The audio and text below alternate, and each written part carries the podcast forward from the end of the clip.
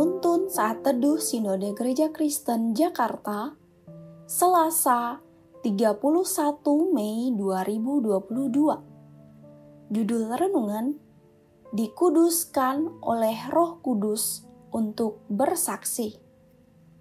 Nats Alkitab terambil di dalam kitab Kisah Para Rasul pasal 1 ayat 8. Tetapi kamu akan menerima kuasa kalau Roh Kudus turun ke atas kamu, dan kamu akan menjadi saksiku di Yerusalem dan di seluruh Yudea dan Samaria dan sampai ke ujung bumi.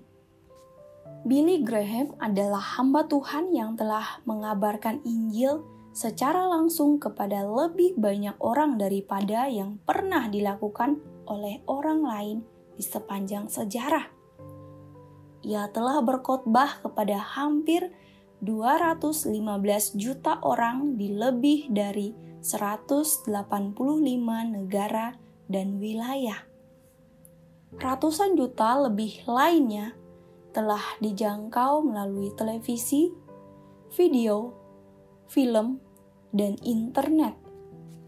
Sejak tampil di muka umum dalam suatu kegerakan di Los Angeles tahun 1949, dia telah membawa ratusan ribu orang mengambil keputusan untuk hidup bagi Tuhan. Saya yakin itu bukan pekerjaan Graham sendiri.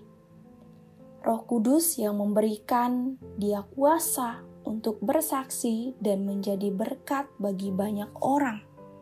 Yesus berkata kepada murid-muridnya, tetapi kamu akan menerima kuasa kalau Roh Kudus turun ke atas kamu, dan kamu akan menjadi saksiku di Yerusalem dan di seluruh Yudea dan Samaria dan sampai ke ujung bumi. Perkataan itu diucapkan oleh Yesus kepada murid-muridnya sebelum ia terangkat ke surga. Hal itu dikatakannya supaya para murid berani menjadi saksi kebangkitan Yesus.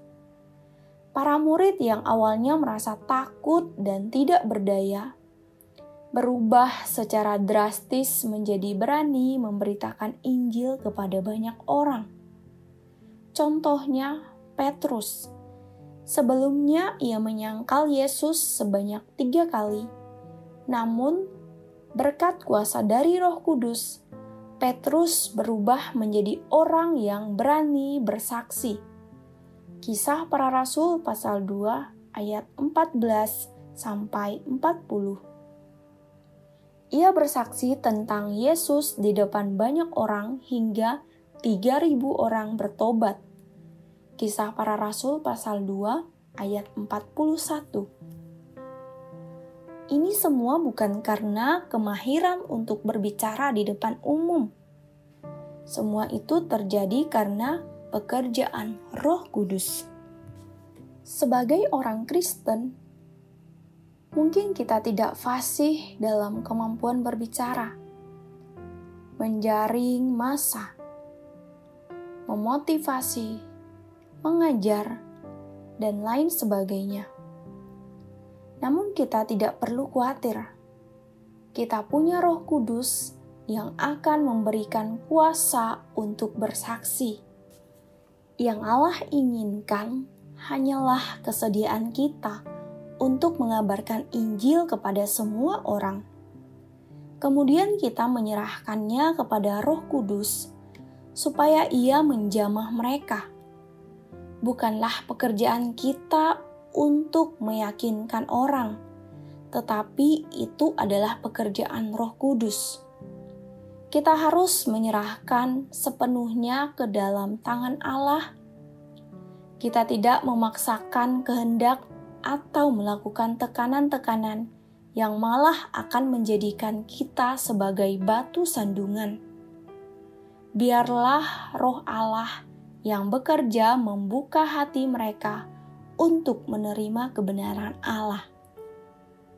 Kita dikuduskan oleh Roh Allah dan diberikan keberanian serta kuasa untuk bersaksi. Amin. Terima kasih.